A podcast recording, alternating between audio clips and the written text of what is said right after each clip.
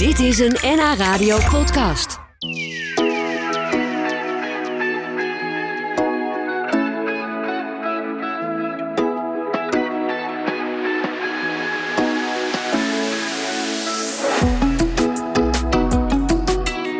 Hendrik Groen, opgewekt naar de eindstreep. Ja, dat is eh, de nieuwste voorstelling over de beroemdste ouderen van Nederland, als je dat zo zou kunnen zeggen.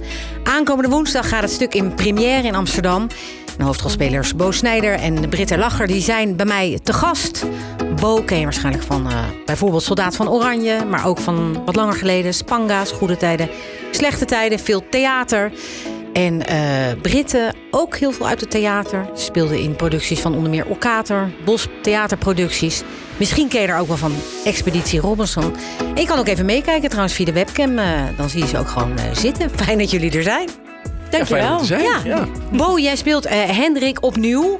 Eh, zit hij inmiddels gewoon helemaal in je? Ik bedoel, is hij nu ook bij je bijvoorbeeld? Ja, ja, ja, toen ik hoorde dat we toch nog een derde deel gingen maken, eh, was ik daar wel echt heel blij mee. Het is toch een, een jas wat je weer aan mag trekken. En als je dat doet, dan, ja, dan komt dat personage ook inderdaad vrij snel weer terug. Ja. Ja.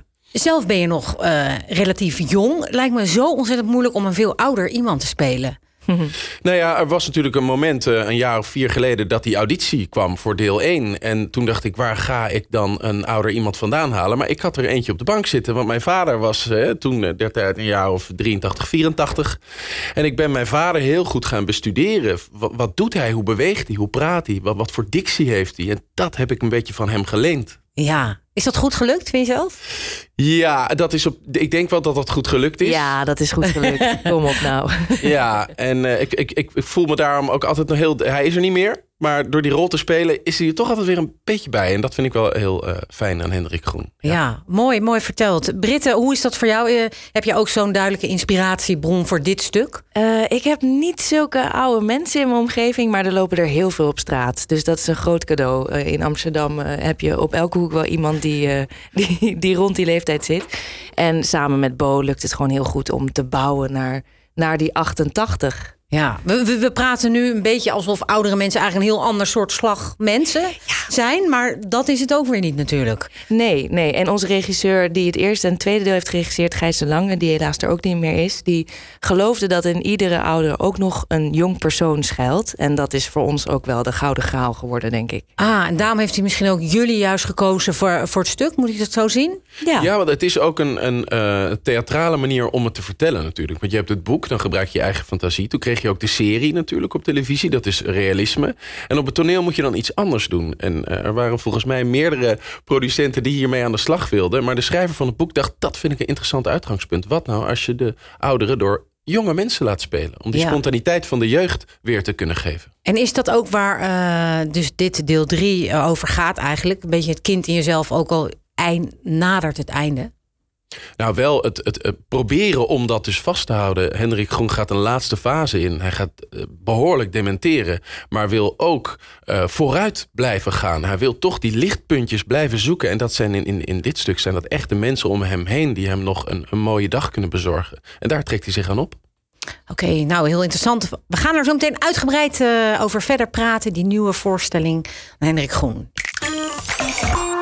De dagboeken van Hendrik Groen gaan als warme broodjes over de toonbank. De televisieserie werd heel goed bekeken en ook in het theater zitten de zalen vol. Nu gaat het ook weer gebeuren voor de derde voorstelling over het leven van Hendrik Groen. Deze derde heet Opgewekt naar de eindstreep. En daarin eh, probeert Hendrik op een, nou, een positieve manier eh, te dementeren. Eh, de voorstelling gaat aankomende week. Ja, dat, dat heb ik een beetje gek geformuleerd. Kom ik zo op terug. Maar de voorstelling gaat volgende week in première in Amsterdam. En laten we even een stukje luisteren. Soms kijk ik terug in de dagen en zie ik alleen maar mist. Ik word dement. Daar valt weinig aan te doen. Maar de vraag is, hoe word ik een beetje leuk dement, hè? Als ik dan die mist in moet, dan wil ik dat dansend doen. Met gevoel voor humor. Als we de lol in het leven verliezen, wat blijft er dan nog van dat leven over? Ik ga opgewekt naar de eindstreep.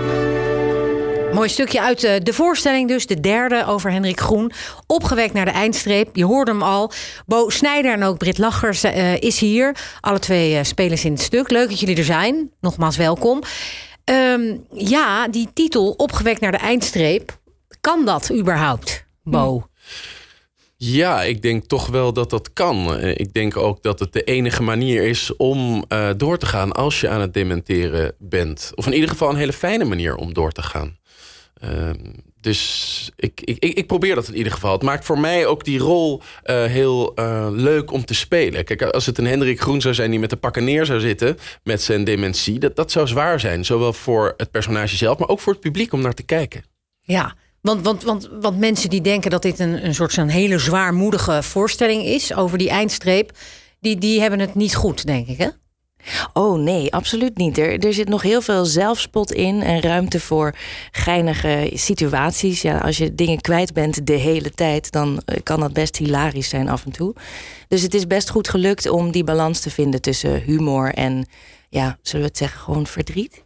Ja, want Ja. het verdriet, eh, want Hendrik weet wel wat hem te wachten staat. Daar, daar zit hem het verdriet, denk ik. Bo? Ja, absoluut. Voor een heel groot deel van de voorstelling is Hendrik zich totaal bewust van eh, dat, zijn, dat zijn hersenen achteruit gaan. Maar probeert dat te ondervangen met humor. En met de vrienden om hem heen, die die, die, die, die dicht bij zich houdt. Eh, hij krijgt bezoekjes van, van, van figuren die zijn overleden.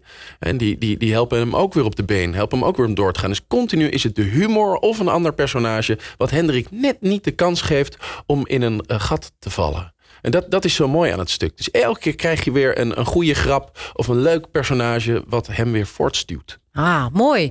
Eefje, of eh, ik moet zeggen, Brit, jij speelt Eefje. Maar wat is zijn voor een vrouw? Ehm, ja, ik, ik speel nu eigenlijk Leonie. Eh Eefje zat in deel 1 en die ging helaas dood eh, aan een eh, hartstilstand, als ik het goed heb, of een beroerte. Ehm, en nu ben ik Leonie, maar ik kom wel af en toe voor het gevoel van Hendrik in ieder geval terug als zijn liefde Eefje. En Leonie is, ehm, wordt eigenlijk een beetje een mantelzorger voor Hendrik. En die zorgt dat hij alles enigszins nog op een rijtje houdt. En die trekt hem gewoon mee naar buiten, trekt hem mee door de dag. Zorgt dat hij af en toe nog een beetje kan lachen. En, en probeert het vooral heel luchtig te houden. Maar het is wel, het, ik vind het best wel een mooi karakter geworden. Omdat ze zelf ook best wel veel diepgang heeft gekregen. Doordat ze het gaandeweg ook best zwaar krijgt. Met het verliezen van iemand die ze nog maar zo kort heel diep in haar leven heeft gesloten. En hoe doet ze dat? Dat omgaan met, met die pijn en dat verdriet? Ehm, ik denk dat Leonie echt iemand is die net als Hendrik absoluut opgewekt naar de eindstreep wil. En een heel klein beetje naïviteit is daarbij eh, geen ramp. Nee, wel handig bedoel je eigenlijk. Handig, ja, ja inderdaad. Ja, Ja. Dat is ook weer positiever. Handig. Het is handig dat ze af en toe gewoon een beetje wat naïviteit toelaat om te zorgen dat ze niet zelf ook meegesleurd wordt in die donkerte van die dementie. Ik kan me voorstellen dat het een voorstelling is waarbij het publiek enorm meeleeft en misschien na afloop, na afloop ook wel naar jullie toe komt. Ja. Omdat het heel veel losmaakt. Is dat ook wat gebeurd? Ja, we hadden eigenlijk meteen na de eerste try-out in Hoofddorp gebeurde dat vrijwel direct. Ja, het wa- waren een aantal dames die meteen vertelden hoe het was voor, voor hen om ja, hun ehm, man te verzorgen. Die, die met eh, een vorm van dementie eh, omging. En dat, dat vond ik heel triest. De wat me vooral is bijgebleven is een vrouw die vertelde dat toen ze haar man dan toch echt moest overleveren aan een, aan een instelling. Hè, omdat ze echt niet meer voor hem kon zorgen.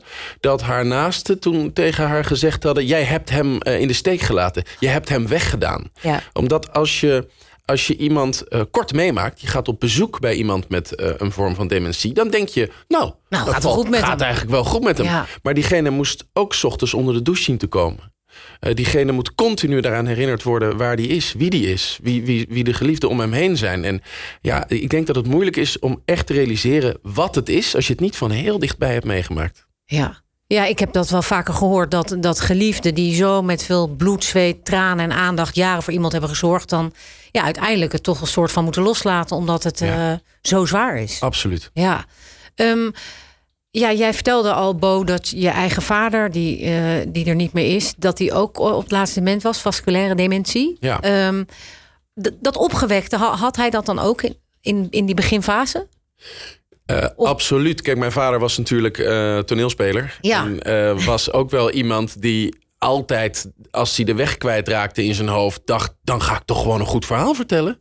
Dus voor iedereen leuk, voor mezelf leuk, want het is lekker duidelijk, want ik ben aan het woord. Het is voor de toehoorder leuk, maar het was voor hem ook een, een truc om. eh, heel vaak als we met elkaar aan tafel zaten en het ging te snel, dan zag ik aan zijn blik: hij is aan het afdwalen. En dat is helemaal niet zo erg, maar hij vindt het zelf zo naar. Dus dat, dat had, ik wel, had ik wel met hem te doen. En dan ging hij gewoon op zijn praatstoel. Als ik praat, dan is het helder. Ja, dat was zijn manier om daarmee om te gaan. Zijn manier om daarmee om te gaan. Dus ik vind dat wel ook opgewekt te noemen. Ja, ik vond dat altijd, altijd wel een stoere, stoere houding. Ja. Maar hij is nooit eh, helemaal eh, de weg kwijtgeraakt. In de zin van hij wist altijd nog wie iedereen was. Dus dat, dat vond ik wel heel erg fijn. Ja. En Had, mo- moest hij heel veel moeite doen om dat te onthouden? Want ik heb ook wel eens gehoord van iemand die had dan toch...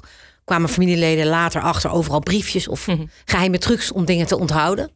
Nee, vasculaire dementie ontstaat ook vaak door een trauma. In, in zijn geval een herseninfarct. En daarmee zag je dat het vooral bij hem ging dat er een batterij, als het ware een batterij in zijn hersenen, eh, eh, die, die accu was slecht geworden. Dus iemand staat ochtends op, dan belt hij me en dan denk ik, nou, dat is een hele heldere man. Hij is 87, maar had ook 67 kunnen zijn. En dan gedurende de dag ging die accu achteruit en s'avonds was hij dan in de war. Eigenlijk als het ging, buiten ging schemeren, ging het bij hem ook schemeren. En 's ochtends was hij er weer. Dus het was een, daarin, daarmee zie je ook, er zijn zoveel verschillende vormen van dementie. Bijzonder is ook wel belangrijk om te noemen... jullie samenwerking met Alzheimer Nederland. Hoe werkt dat precies, eh, Bo? Nou ja, dat, we, we wilden graag met Alzheimer Nederland werken om eh, geld voor hun op te kunnen halen. Dus we hebben eh, overal waar we spelen nemen we, eh, ja, de, noem je dat? De, Boxjes, kartonnen mee, doosjes. kartonnen doosjes mee met de QR-code. Maar je kan ook gewoon nog ouderwets natuurlijk wat cashgeld erin doen. Mhm. En we willen ze daarmee, we hopen ze daarmee te steunen. Dat mensen die komen kijken ook wat doneren aan Alzheimer Nederland. Ja, want er moet gewoon nog steeds heel veel onderzoek gedaan worden. hè? Ja, absoluut. En je merkt ook aan onze bezoekers bijvoorbeeld dat heel veel mensen hebben er op wat voor manier dan ook mee te maken. En ze vinden het heel fijn dat ze zich eindelijk een beetje gezien en gehoord voelen. En door die, nou, door die boxjes en door het, door het doneren eraan hopen we ook dat het gewoon weer een gesprek wordt in de samenleving, omdat het zich zoveel afspeelt. Ja, duidelijk. Ehm, ja, jullie kennen elkaar heel goed. Hoe is het om, om weer met elkaar te spelen? Oh, het is zo'n niet anders, feest. Nee, ja, dit is de zesde productie Ik samen. geloof het ook, ja. Ja, en ik teken alvast voor nog een stuk of twintig of zo. Het is echt een, een rijkdom. Dat merkten we al op de allereerste repetitiedag. Dat die scènes, die, die spelen zich bijna... We moeten nog wel wat doen vanzelf. Ja, je slaat gewoon een hele belangrijke periode. of, eh, in een repetitieproces kun je eigenlijk overslaan. Eh, Want dat hebben we al. En ik heb bijvoorbeeld nog nooit bij een gezelschap gezeten. Ik heb nog nooit een aantal jaren bij een gezelschap gezeten. En ik kan me voorstellen dat het mooie van een gezelschap is dat je door kunt bouwen na een stuk.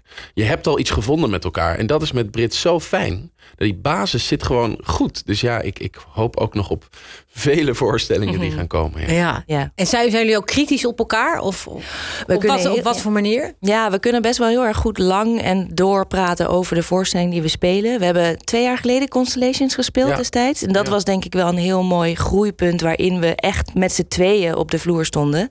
En dat heeft ook wel weer een soort verdieping gebracht, denk ik, aan ons vakmanschap samen. Door, nou echt, nou, dan moet je wel, want dan ben je maar met z'n tweeën. Dus dat lukt. Ja, en je hoeft ook niet zo voorzichtig te zijn. Weet je, Brit kan, kan tegen mij zeggen: joh, kom jij eens iets eerder met die zin. Of kom eens iets later met die zin. En, en dan is dat ook gewoon meteen goed. Ik heb daar ook geen vragen bij. Als, als, als Brit zoiets zou vragen, ik gewoon: oké, doe ik dat. Ja. En wat ze zal gelijk hebben. En, snap je dus? Dat, andersom ook, hè? ja, andersom ook. Maar dat is zo heerlijk. Ja. Ja. Hoe zijn jullie tot slot anders naar eh, ouder worden gaan kijken door het spelen van deze voorstelling? Hmm, ja, ik geniet elke dag dat ik mijn onderbroek aan kan trekken zonder op een stoel te gaan zitten. En je veter strikken. Ja. Ja, Ja, ja. want, want dat is een schrikbeeld bedoel je. Ja. Nou ja, ik denk wel dat die aftakeling van dat lijf en dus ook eh, de geest, dat dat best eh, indrukwekkend zal zijn tegen die tijd. Dus ik probeer er wel extra van te genieten. Nou zit dat sowieso al een beetje in mijn genen om dat te doen. Maar tegelijkertijd ook respect voor mensen. Soms zie je mensen op tv van 100, 106 die nog zo kwiek zijn. Ehm, die verbinding houden met de jeugd en wel nog een TikTok-account hebben of wat dan ook.